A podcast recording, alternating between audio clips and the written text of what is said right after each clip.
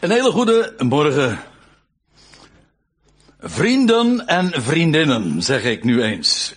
Niet zo genderneutraal natuurlijk. Maar dat is precies het onderwerp waar we het vanmorgen toch eens over gaan hebben. Overigens, ik ben blij dat ik uh, vanmorgen weer eens uh, in jullie middag mag zijn. Het was precies een jaar geleden dat ik hier ook was. Nou ja, hier. Dat was toen nog op de oude locatie. En het zou me niet verbazen als u zich nu de vraag stelt van, uh, wacht even, genderneutraal. Ik, ik kan me zo voorstellen dat dat niet in mijn concordantie staat. En welk bijbelgedeelte zou daarvoor nu behandeld worden? Nou, maak u zich geen zorgen. Inderdaad, het begrip genderneutraal, dat vinden we niet. Maar wel bijbels licht daarop en dat is eh, wat we vanmorgen graag willen laten schijnen. En zeg maar eens een keer dat het onderwerp niet actueel zou zijn. Ja. Ik heb zomaar wat plaatjes uit de actualiteit bij elkaar verzameld, bij elkaar geharkt en daar hoefde ik helemaal niet veel moeite voor te doen om ze zo even te verzamelen uit alleen al het afgelopen jaar. En elk plaatje zou weer een uh, aparte toelichting verdienen, maar dat uh, wil ik jullie besparen. Uh, sommige liggen zo erg voor, het voor de hand. Genderneutrale toiletten. Overigens, het woord gender, even voor de goede orde, voor zover u dat niet weet. Gender, dat is eigenlijk het Engelse woord voor geslacht, maar tegenwoordig wordt het op zijn Engels uitgesproken omdat men daarmee bedoelt te zeggen dat het maar niet zozeer het geslacht is, de sekse, maar dat het te maken heeft met de identiteitsbeleving, de geslachtsbeleving. En daarom gebruikt men bij voorkeur tegenwoordig, uh, we zijn in Den Haag politiek correct, uh, gender. En ja, er zijn van die begrippen LHBT, wat u hier dus ziet. Ja, waar moet ik nu dat aanwijzen? Dat staat dan, dat is dan een afkorting. Tegenwoordig wordt die vaak nog weer langer gemaakt, want ja, er is geen einde aan alle varianten die je erop kunt bedenken. Maar LHBT, dat is de afkorting voor lesbisch, homo, biseksueel en transgender. Ja, ja. Op zijn Nederlands dan. En ja, dat zijn allemaal van die uh, begrippen die tegenwoordig heel actueel geworden zijn. Uh, wat dacht u van het homohuwelijk, wat al natuurlijk wat langer uh, een, een item is? En uh, nog niet zo lang geleden, en dat verbaast u misschien een klein beetje als u die, dat die foto ziet van Emiel Ratelband, maar die bracht het onderwerp ook nog eens ter sprake, recentelijk. En dat werd heel erg bizar misschien, maar dat was omdat hij uh, van mening is, uh, hij is 69, maar hij zegt, ja wacht even, ik ben 69, maar in mijn beleving ben ik 49. En nou eist hij uh, van de wet ook op uh, dat dat zo geregeld wordt dat hij ook nu als 49 gerekend wordt. Nou, uh, bij de rechter kon hij niet echt verhaal maken, maar zijn argument was deze. Hij zegt, nou, als mensen tegenwoordig ook kunnen bepalen, ook al ben je man, dat je eigenlijk een vrouw bent, gewoon omdat je dat zo voelt en beleeft. Waarom kan ik dat met mijn leeftijd dan niet? Dan mag ik misschien na de jaren 69 zijn, maar ik beleef dat heel anders. En waarom kan dat dan niet zo geregeld worden? En zeg maar eens een keer dat hij daar op zich geen punt mee heeft. Want ja, wat staat dan nog vast? Nou, kijk, eigenlijk, en heb, daar hebben we natuurlijk ook het grote probleem. Want ja, tot enkele decennia terug was uh, een begrip als seksuele identiteit uh, een, een natuurlijk gegeven. Dat was, stond gewoon vast op het moment dat je geboren was. Je geslacht. Je bent een jongetje of je bent een meisje. Dat was met recht natuurlijk. In de zin van de, door de natuur gegeven maar ook in de zin van vanzelfsprekend, daar hoef je het verder niet meer over te hebben. Dat is inmiddels uh, een benadering die achter ons ligt. Dat wil zeggen, misschien hier niet, maar in het algemeen in de samenleving eh, zijn we daarvan verwijderd geraakt. Eh, en de laatste decennia, en dan reken ik zo ongeveer vanaf de jaren zestig, is dat heel erg uh, opgekomen. Is uh, seksuele identiteit is een hele zoektocht geworden. Ja, wat ben jij nu eigenlijk? Ben je mannelijk? Ben je vrouwelijk? Of uh, ben je het überhaupt het een of het ander? Of en in welk en zo ja, ben je uh, in welke mate dan? Want ook dat kan nog weer uh, verschuiven. En daarmee is ook nog niet eens gezegd waar je oriëntatie zou horen te liggen. Ik bedoel, van, van oudsher en van origine was het gewoon zo. Ja, het mannelijke is aangelegd op het vrouwelijke. De. Daar is, dat is een biologisch, dat is niet, dat is geen ethiek, dat is natuurkunde. Dat is zoals het ontworpen is en waarvoor het ook gemaakt is. Het mannelijke is voor het vrouwelijke en het vrouwelijke is voor het mannelijke. Ja. Maar dat is allemaal niet meer vanzelfsprekend. En dus ook niet natuurlijk meer of uh, een punt wat voortdurend ter discussie staat. En de vraag die zich dan aandringt is, wat is er nou veranderd in die jaren, in zeg maar in die laatste 40, 50, 60 jaren?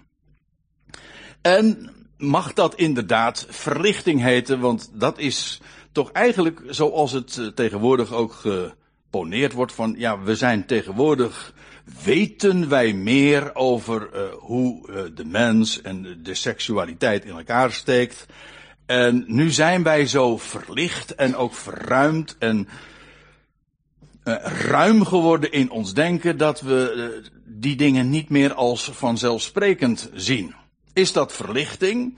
Of is het juist verduistering? Want dat kun je natuurlijk net zo goed verdedigen. Dat we de verschillen niet meer zien.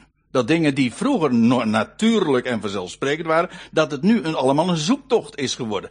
En vergis je niet, we benaderen het nu ook van vanmorgen uh, vanuit de schrift. Maar dit zijn onderwerpen die een enorme, grote, praktische impact hebben. En jonge mensen, die worden eigenlijk een, ja, de eerste jaren van hun leven, van hun jonge leven, eigenlijk al uh, opgezadeld met vragen die er vroeger helemaal niet waren. Ik zeg dan niet dat er geen uh, problemen waren met seksuele identiteit, maar over wat normaal was, ja, dat was de kwestie niet. Wat ik vanmorgen graag wil doen, is uh, dat te bespreken, deze vragen aan de hand van Romeinen 1. Want daar kom je dan al heel gemakkelijk en snel ook terecht.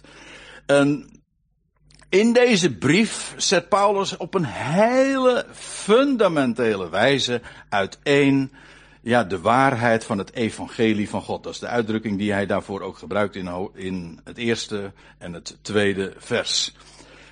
Daartoe is hij gesteld om het goede bericht, de blijde tijding aangaande en van God uh, te vertellen. En dat doet hij dan ook van, van de grond af aan. Dat wil zeggen, hij laat zien fundamenteel wat dat alles betekent. En dan in de eerste in het eerste hoofdstuk laat hij ook zien dat de hele wereld weet, dus elk schepsel, elk mens weet van het bestaan van God. En het is een beetje lastig om nu precies uh, op het goede vers uh, aan te sluiten, want eigenlijk zou ik dat dan moeten doen in vers 18. Maar uh, omwille van de tijd laat ik dat eventjes, laat ik een paar versen later inhaken. Dus in vers 20. En dan staat er dit. Uh, want hetgeen van hem niet gezien kan worden. Het gaat over God. Hetgeen van hem niet gezien kan worden vanaf de schepping van de wereld. Dus het is eigenlijk sinds mensenheugenis is dat al zo. Namelijk zijn onwaarneembaar vermogen. Uh, voor de goede orde, maar dat weten de meesten van jullie wel. Uh, hieronder staat dan die interlineair, waarbij je vooral op die tweede regel moet letten. Trouwens, ik zie dat de onderste regel is weggevallen. Oh, nou ja. Uh, dan moet u allemaal hier gaan zitten. Hier ziet u het wel, goed. Ja. Nou ja, goed. In ieder geval, uh, als ik het op mijn website zet, dan kunnen we het allemaal wel weer zien. Eh, voor de controle, zeg maar. Want ik ga ervan uit dat als ik deze dingen zo naar voren breng, dat jullie dat eh, thuis, als je daar zo je vragen over hebt, van is dat wel zo? En dan is het het allermooiste om inderdaad met precisie te kijken van ja, hoe is dat in het origineel dan opgetekend? Het gaat hier over, over God, die niet gezien kan worden, namelijk zijn onwaarneembaar vermogen. Ja, logisch, het is onwaarneembaar en dus wordt het niet gezien. Zijn, zijn vermogen, zijn kracht, maar ook zijn hele, uh, al die goddelijke attributen van zijn almacht, zijn alwetendheid, überhaupt van uh, dat hij er is. Ik bedoel dat uh, God kan niet gezien worden. Hij is, zo wordt hij bij herhaling iedere keer uh, ook benoemd en bezongen als de onwaarneembare, de onzichtbare of de onzienlijke God. Hij ma als hij namelijk zich gezien zou kunnen worden, dan zou hij deel uitmaken van de schepping. Want alles wat we zien, dat is schepping. Maar hij is de schepper en hij gaat dat te boven. Hij is de schepper en alles wat van hem uh, niet gezien kan worden, namelijk zijn onwaarneembaar vermogen en goddelijkheid, die kennen wij niettemin, want, staat er, dat wordt uit zijn creaties, uit zijn, dat wat hij voortbracht en gecreëerd heeft, met verstand doorzien. En dat heet dan het, uh, dat, uh, op zijn Engels, intelligent design. Ik bedoel, je ziet een, aha, Kijk, hoe, hoe simpel kan een probleem niet opgelost worden? Ik dacht, uh, dit gaat heel technisch worden, maar nee, dat valt reuze mee.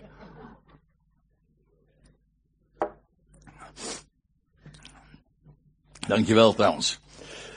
Ik bedoel dit, je ziet een, een, een horloge en dan weet je van dat is eh, daar zit intelligentie achter. Dat is gemaakt, dat is, daar is enorm goed over nagedacht. Daar zit namelijk een ontwerp in wat absoluut intelligentie verraadt. En al ken je dan helemaal niet die, dat horlogemaker, je weet, er is een horlogemaker. Er is iemand, er, of een hele, een hele groep van mensen die dit bedacht hebben. Zodat, weliswaar, in de schepping zien wij God niet, maar in die schepping weten wij gewoon, als je in, begiftigd bent met intelligentie, een dier kan dat niet onderscheiden, maar een mens die begiftigd is met verstand, weet God is er. Hij moet er zijn. Eh, dit is namelijk creatie en dus is er een creator. Dat is intelligentie. Dat is het gegeven en de, de conclusie die absoluut noodzakelijk is. Zodat elk mens weet van het bestaan van God. Gewoon omdat je verstand hebt. En dat kun je, en dat is trouwens, ja, dat is nou meer het nadeel dat ik bij vers 20 begonnen ben. Wat in de wereld gebeurt, en dat is wat Paulus eh, in vers 18 en 19 had, naar voren had gebracht, is dat de waarheid voortdurend in deze wereld ten onder gehouden wordt onderdrukt wordt. Deze waarheid die zo klaarblijkelijk, zo evident is, zich voortdurend aan je opdringt, wordt met alle kracht en geweld ten onder gehouden. De waarheid namelijk van God. Ja, en in het algemeen de waarheid uh, wordt niet verragen. En dat is eigenlijk ook een van de grote onderwerpen in dit hele gedeelte. Dus weliswaar, uh, Elk mens weet dit, maar deze waarheid wordt niet uh, erkend en, men moet met, uh, met alle geweld en met alle kracht en met alle vermogens wordt dit onderdrukt. Maar niettemin dat Ik vergelijk het heel graag met een bal die je onder water houdt. Dat kun je doen, maar daar heb je moeite voor doen. De waarheid komt altijd automatisch als vanzelf toch weer boven. Elk mens weet, ja, hij is er. Ook al wordt er uh, zoveel moeite gedaan om dat te ontkennen. Zodat uh, de mensen, dus zodat deze wereld geen verontschuldiging heeft. Immers, een aantal versen ga ik uh, vrij snel doorheen om uiteindelijk natuurlijk bij mijn onderwerp te komen.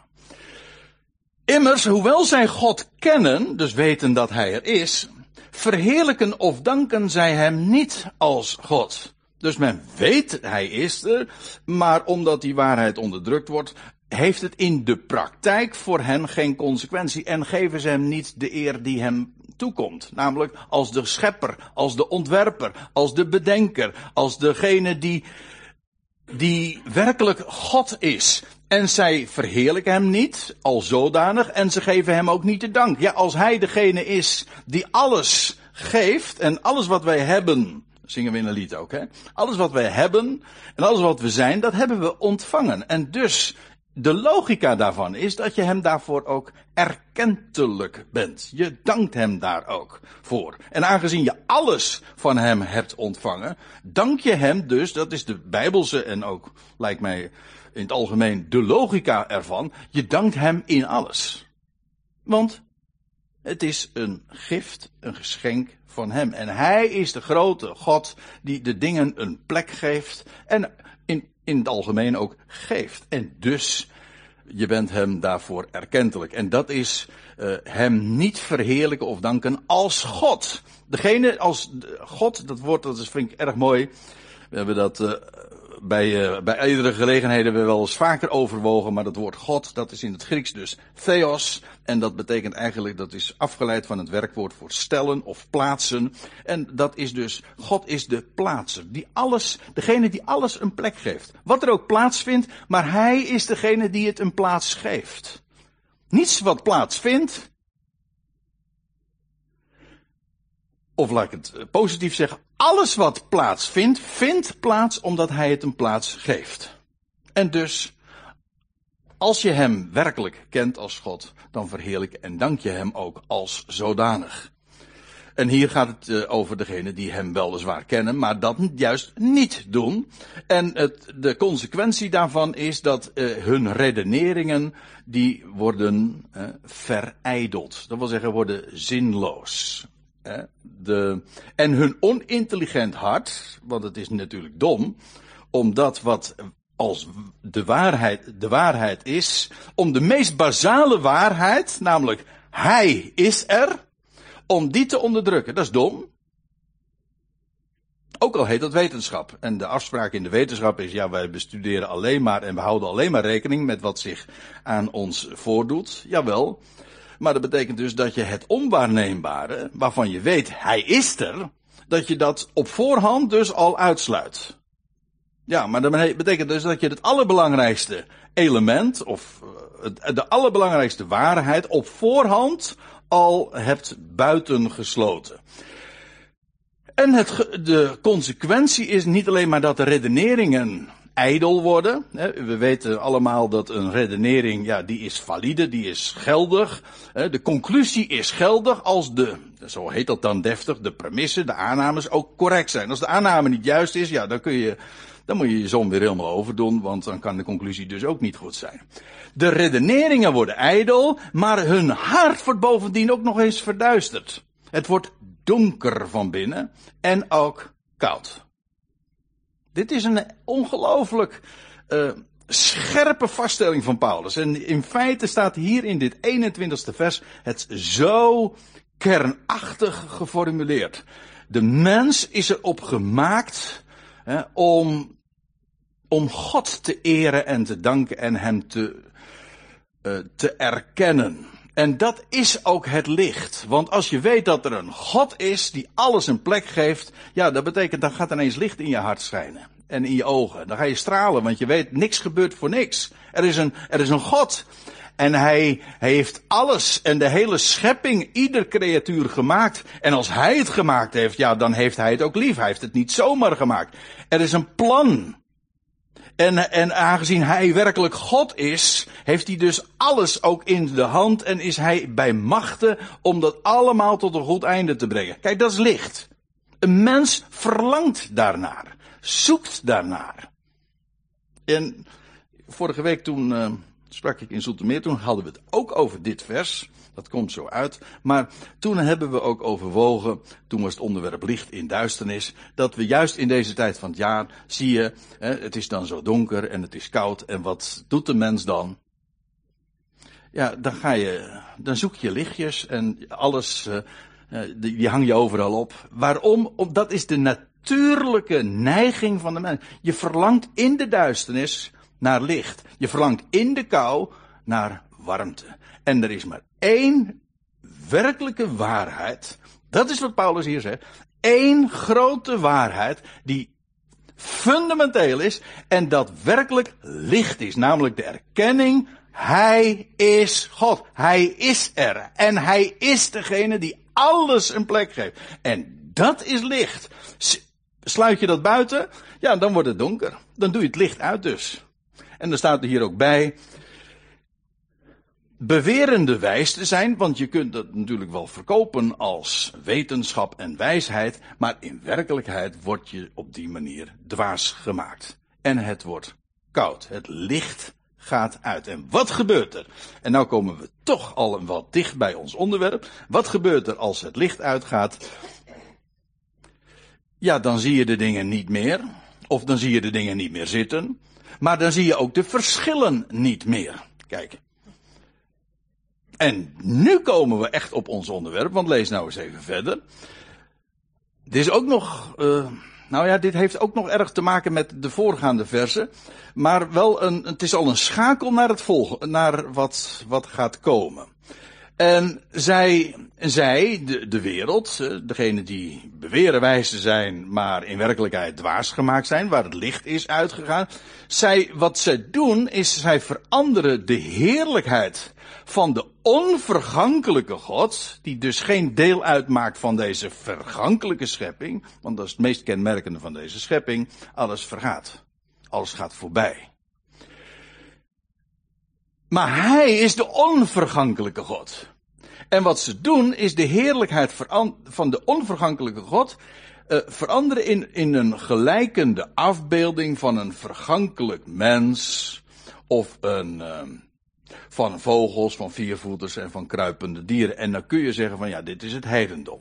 Gewoon in dit is ook de religieuze uiting. Op het moment dat je de God verwerpt, ja, dan ga je dus iets, als, dan ga je de schepper wegredeneren, maar dat betekent dat er iets de plaats van die schepper moet gaan innemen. Ik bedoel, dan ontstaat er namelijk een gat. Ja, dan heb je de schepper niet meer. Ja, maar wat, wat geeft ons leven dan nog wel zin en inhoud? Waar zijn we dan wel op gericht? Nou, dan ben je dus per definitie genoodzaakt om je te richten, als de schepper weggeredeneerd wordt, om je te richten op iets binnen de schepping. En dat kan dan een mens zijn, of dat. Uh, uh, of vogels, viervoeters van kruipende dieren. En ga maar eens een keertje na. Uh, in de in, in de oudheid, eigenlijk tot voor kort, was dit eigenlijk ook de hele, de godsdienstige uiting, dat mensen een, een tempel maken, een huis, een, een heiligdom, en daar maken ze inderdaad afbeeldingen van mensen, en van vogels en van viervoeters, en die worden vereerd. En vaak, en laten we wel wezen, dat was vaak ook met de gedachte, dat zij een uitbeelding zijn van, van waar het eigenlijk om gaat. De, je kan, want hier wordt dan gesproken over een vergankelijk mens en van andere creaturen. Maar uh, we hadden het zojuist even in de aankondiging over, over hemellichamen nog, weet u. Waar daar volgende week over gesproken gaat worden. Dat kun je dan ook zien. Ja, dat de zon wordt eigenlijk de uitbeelding dan van God of de maan of de hemellichamen, die besturen dan uh, ons, uh, ons bestaan en die geven daar richting aan. Maar in ieder geval, je hebt de schepper dan vervangen door het schepsel, ongeacht welk schepsel. Het onvergankelijke maakt plaats voor iets vergankelijks. En nou, en nou komt het. Want let op dat eerste woord. Daarom. Dus om deze gang van zaken, om het feit dat men de schepper wegredeneert en zich dus noodzakelijk moet gaan oriënteren op de schepping, op, of een schepsel, van welke aard ook, maakt niet uit. Op het moment dat je de schepper vervangt, betekent dus dat je je levensvulling of de, je, je criteria of je, de, je fundamenten, de, datgene wat zin geeft, die moet je dan ontlenen aan de schepping zelf. Als niet de schepper zelf, als het niet de schepper is. Nou, als dat gebeurt, als je je zo op, niet meer richt, laat ik het nog eens anders zeggen. Als je je niet meer richt op de andere kant, als schepsel, dus op de schepper, dan ga je je richten op de verkeerde kant. En dat is uiteraard ook dubbelzinnig. Dan ga je je richten op, ja, je eigen soort. Je, dat moet wel, want de andere kant heb je weggeredeneerd. In de praktijk. Ook als, zelfs als je in theorie nog erkent, maar in de praktijk daar verder helemaal geen rekening meer mee houdt. Let op. Daarom, dus om die reden, dat men de onvergankelijke God vervangen heeft in een vergankelijk schepsel, om die reden, daarom heeft God hen overgeleverd in de begeerte van hun harten. Ik wil er trouwens even op wijzen dat hier staat in en niet aan, zoals in de MBG-vertaling staat. En de Statenvertaling weet ik niet. Maar er staat echt in. Het idee is, laat ik het zo zeggen. Ik, ik, wil het eventjes wat uh, visueel maken.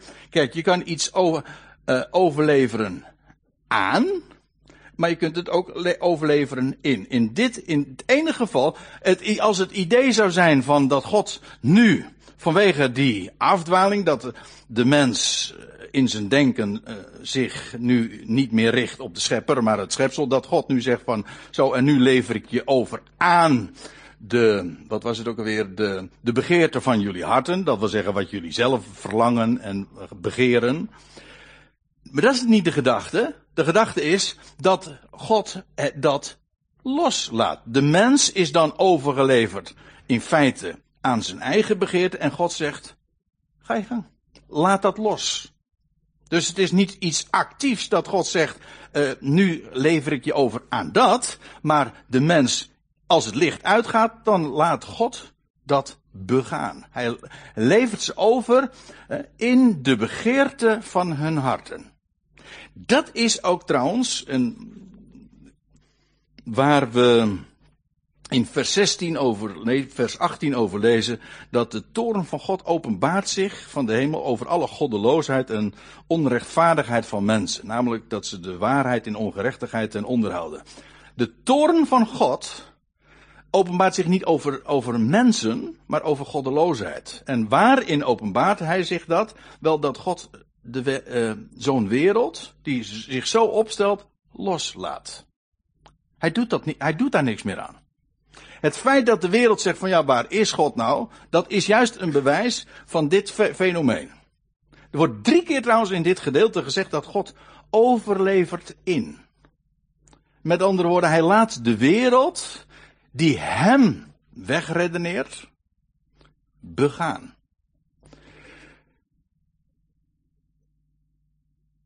Om ook, dat moet ik er ook bij zeggen, maar nou loop ik erg vooruit op wat het, uh, op wat Paulus in de latere hoofdstukken naar voren brengt.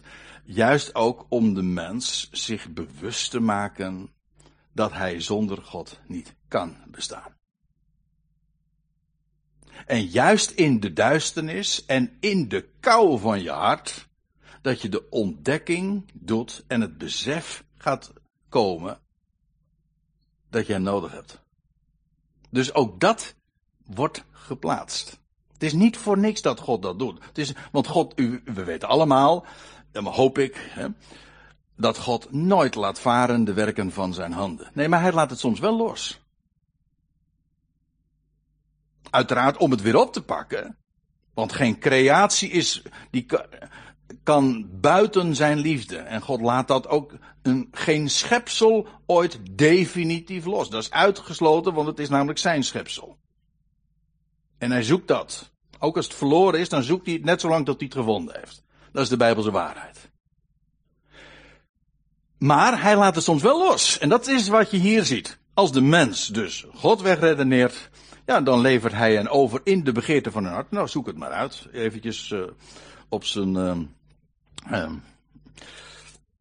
ja, hoe zal ik dat zeggen? Hè? Gewoon in, in gewoon Nederlands geformuleerd. Hij, geeft, hij levert hen over in de begeerten van hun hart. Eh, en tot in onreinheid.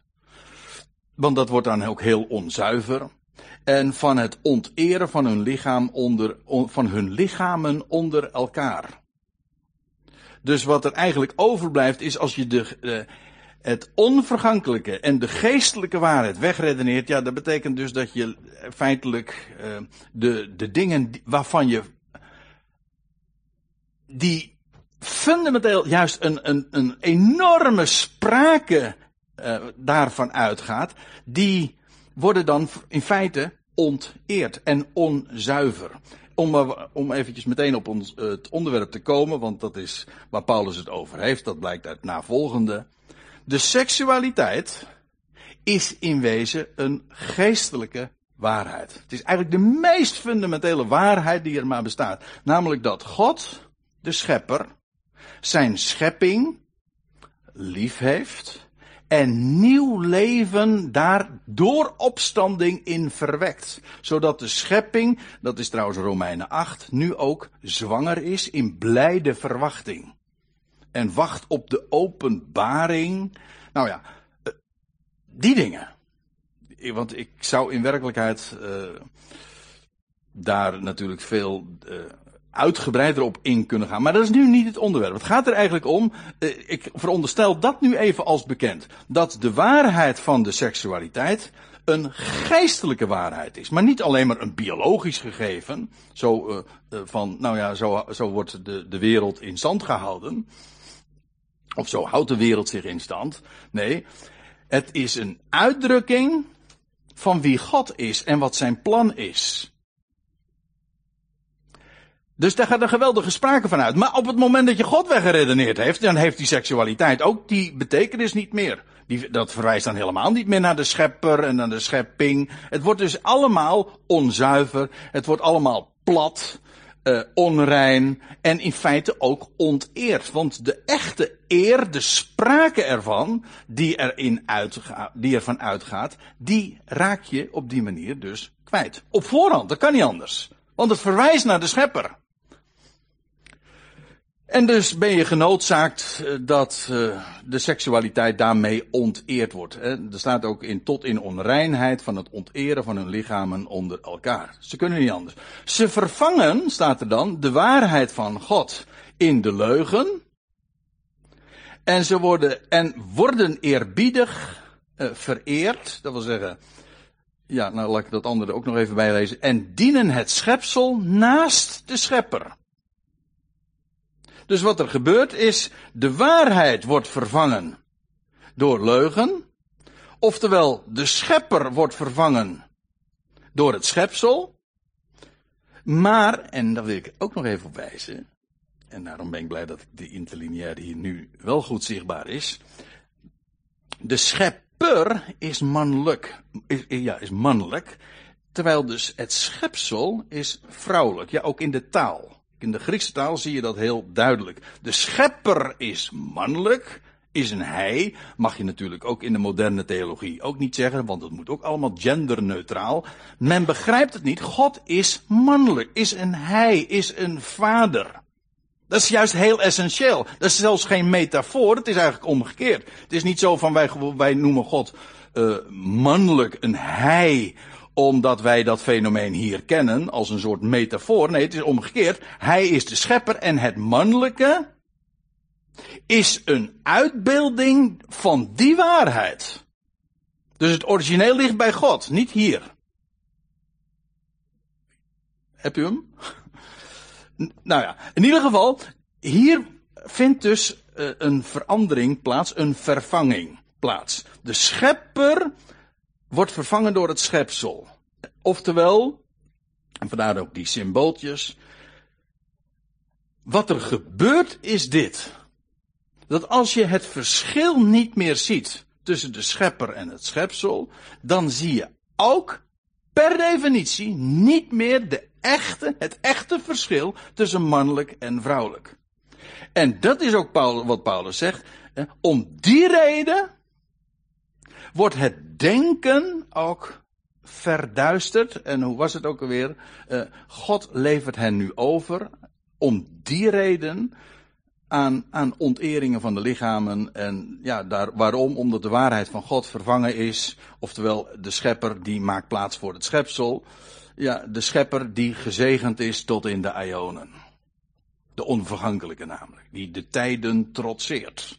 En Paulus besluit met een, een, met een, een lofprijzing. Dat is de grote God. En nou kom, komen we op nog twee versen die ik graag wil lezen. Eh, want Paulus legt dit nader uit. Daarom heeft God hen overgeleverd, weer, in hartstochten van oneer. Het gaat hier weer over de seksualiteit, maar die nu ontdaan is van eer. Waarom? Omdat God is uitgesloten, buitengesloten. Daarom heeft God hen overgeleverd in hartstochten van oneer. God doet daar dus ook niks aan. God is, ja, dat is leuk, hè? Of, nou ja, leuk is het niet. Maar het is wel opmerkelijk om erop te wijzen dat God hier dus niet protesteert of uh, in actie komt om dit te verhinderen. Integendeel, hij levert hen daarin over zelfs. Wat dan? Uh, want staat er die van het vrouwelijke geslacht vervangen het natuurlijke gebruik tot wat naast de natuur is. Het is wat anders dan de meeste vertalingen die zeggen dan spreken over de vrouwen, maar het staat, de nadruk ligt op hun, het vrouwelijk geslacht. De vrouwelijke seksen. Uh, want die van het vrouwelijk geslacht, natuurlijk kun je redeneren dat zijn vrouwen, jawel, maar het accent ligt op het feit dat zij vrouwelijk zijn, de vrouwelijken. Want die van het vrouwelijk geslacht vervangen het natuurlijk gebruik tot wat naast de natuur is, wat dus niet natuurlijk is. Ontspoort dus. He? Nou, het natuurlijk gebruik, namelijk van het mannelijk geslacht, want het vrouwelijke is gemaakt voor het mannelijke.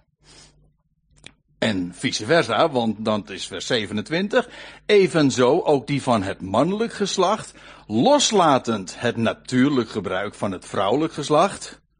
Ja, ik, uh, ik, hoe moet je dat nou uh, netjes weergeven? Maar ik heb, uh, ik heb dat eens een keer aan een elektricien gevraagd.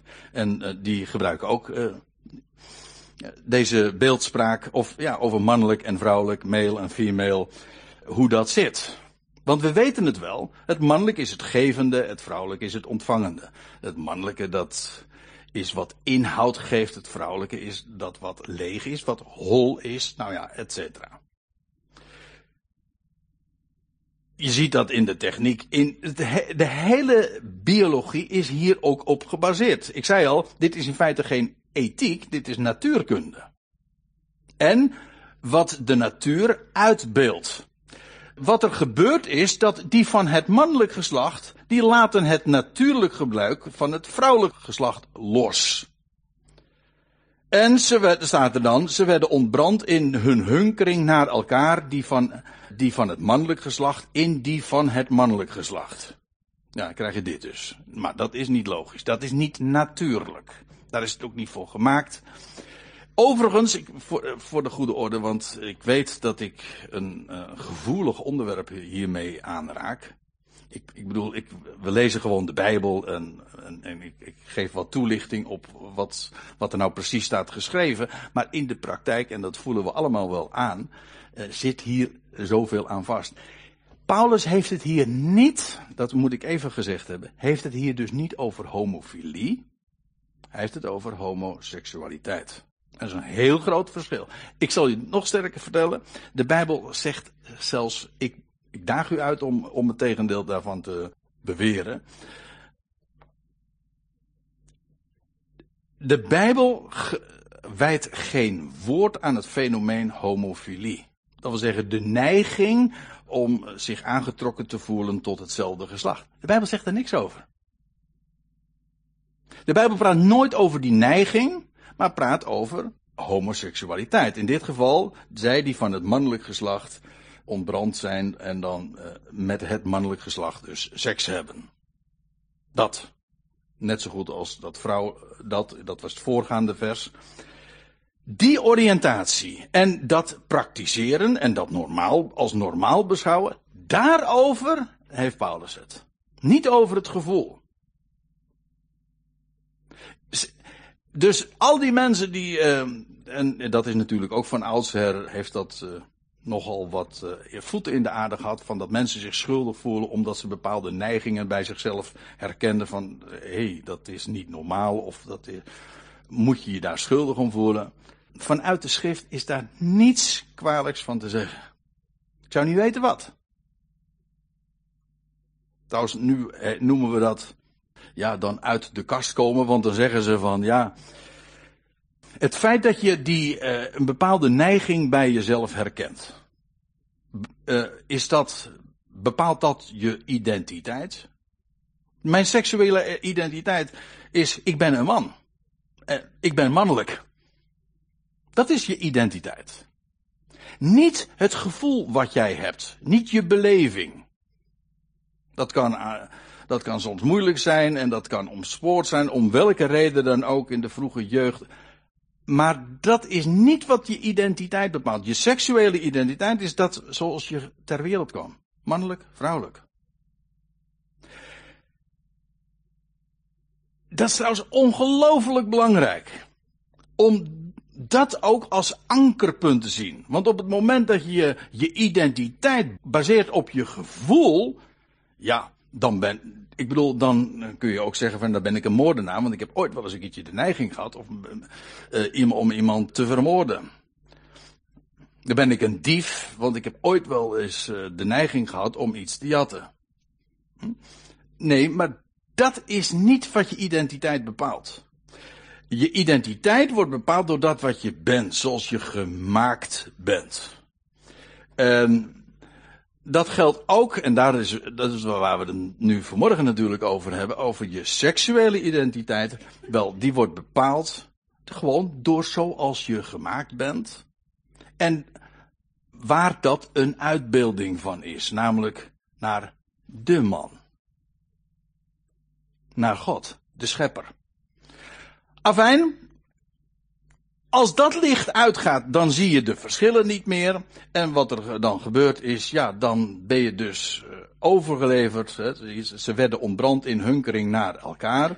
Uh, die van het mannelijk geslacht in die van het mannelijk geslacht. Het staat heel plastisch eigenlijk uitgedrukt als je het uh, goed leest. En dan staat erbij de onfatsoenlijkheid bedrijvend. En dat gaat dus over die hartstochten van oneer. Waar geen eer meer in is gelegen. Onfatsoenlijkheid is maar niet, dat is maar niet een, een idee, een ethiek van de maatschappij, maar dat is, dat, ook dat heeft een norm.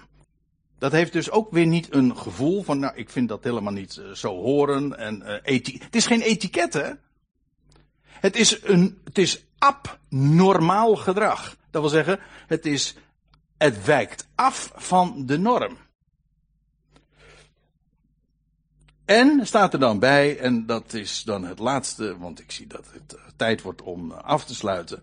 Maar in werkelijkheid gaat Paulus nog veel verder. Maar eerst wat hij nu zegt is, daarmee met, met die hele praktijk die hij zojuist beschreven heeft van vrouwen uh, die het natuurlijk gebruik hebben losgelaten en mannen die het natuurlijk gebruik hebben losgelaten en zo eigenlijk zich richten op dezelfde kant. Niet meer op de andere kant, maar op dezelfde kant. Oftewel homoseksualiteit. Die daarin de noodzakelijke vergelding van hun afdwaling in zichzelf terugkrijgen.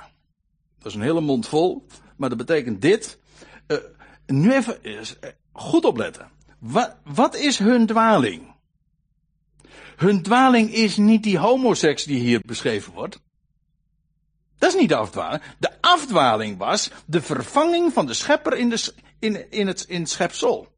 Dat was de dwaling. En het, de noodzakelijke vergelding, de consequentie van dat denken is dat je het verschil niet meer ziet tussen de beide geslachten en waardoor je ontspoord wordt in je denken. Dat is de noodzakelijke vergelding. Het is opmerkelijk dat Paulus dit ook als eerste fenomeen beschrijft van, ja, als je God loslaat, is dat de consequentie. Als het licht uitgaat, dan zie je dat meteen al in de wijze waarop mensen uh, in de, de seksualiteit ontsporen. En je ziet dat in alle samenlevingen waar dat fenomeen plaatsvindt, zich uh, voltrekken. En we hadden het zojuist over, even een terugblik op wat we in de laatste 30, 40, 50 jaar hebben gezien. Maar het is zo sterk. God is buitengesloten en we zijn met recht van God los. En de logische consequentie, de noodzakelijke vergelding daarvan is dat mensen het verschil niet meer zien tussen man en vrouw. En mannelijk en vrouwelijk en die identiteiten door elkaar gaan halen. Ook verkeerd georiënteerd raken. Gedesoriënteerd. Want je, bent, je weet niet meer in welke richting je moet denken en wat normaal is. En het is, laat ik daar dan mee afsluiten. Het is zo'n zegen. Als je denken vastheid heeft. Als je ergens je aan kunt vasthouden, maar ook waar ergens op gebaseerd is. Dat je in het licht mag wandelen. Dat je de verschillen mag zien. Dat je mag weten van de dingen hebben betekenis. Het mannelijke en het vrouwelijke, het spreekt allemaal van de schepper. En zijn plan. En hoe hij de schepping lief heeft en zijn liefde geeft, gemeenschap met haar heeft. En waardoor de schepping ook in blijde verwachting is. Kijk, dat geeft zo'n glans aan, aan, het hele fenomeen van seksualiteit en wat dat met zich meebrengt en de creatie van nieuw leven. Kijk, dat is blijde verwachting. En daarom, dat is wandelen ook in het licht. En ik denk dat we juist in deze tijd, waarin je elk, ja, iedere keer weer, ik gaf het in het tweede diaatje al even aan, hè, met al die plaatjes waarin uh, de actualiteit beschreven wordt. Je wordt doodgegooid met uh, dit soort ontsporingen in het denken. Waarbij je ziet, mensen, wat is normaal? Nou, dat weten we dus niet meer. En als je dan weet dat er is een norm. Er, er is een norm. Er, waarom? Er is een God. En die bepaalt. Uh, daarom zijn wij er. Hij heeft ons bedacht. En als we willen weten wat, de, wat normaal is, ja, dan zullen we toch bij hem moeten wezen. En hij heeft zijn licht laten schijnen. En in dat licht, ja, daarin mogen wij wandelen. Ik stel voor dat we een lied gaan zingen.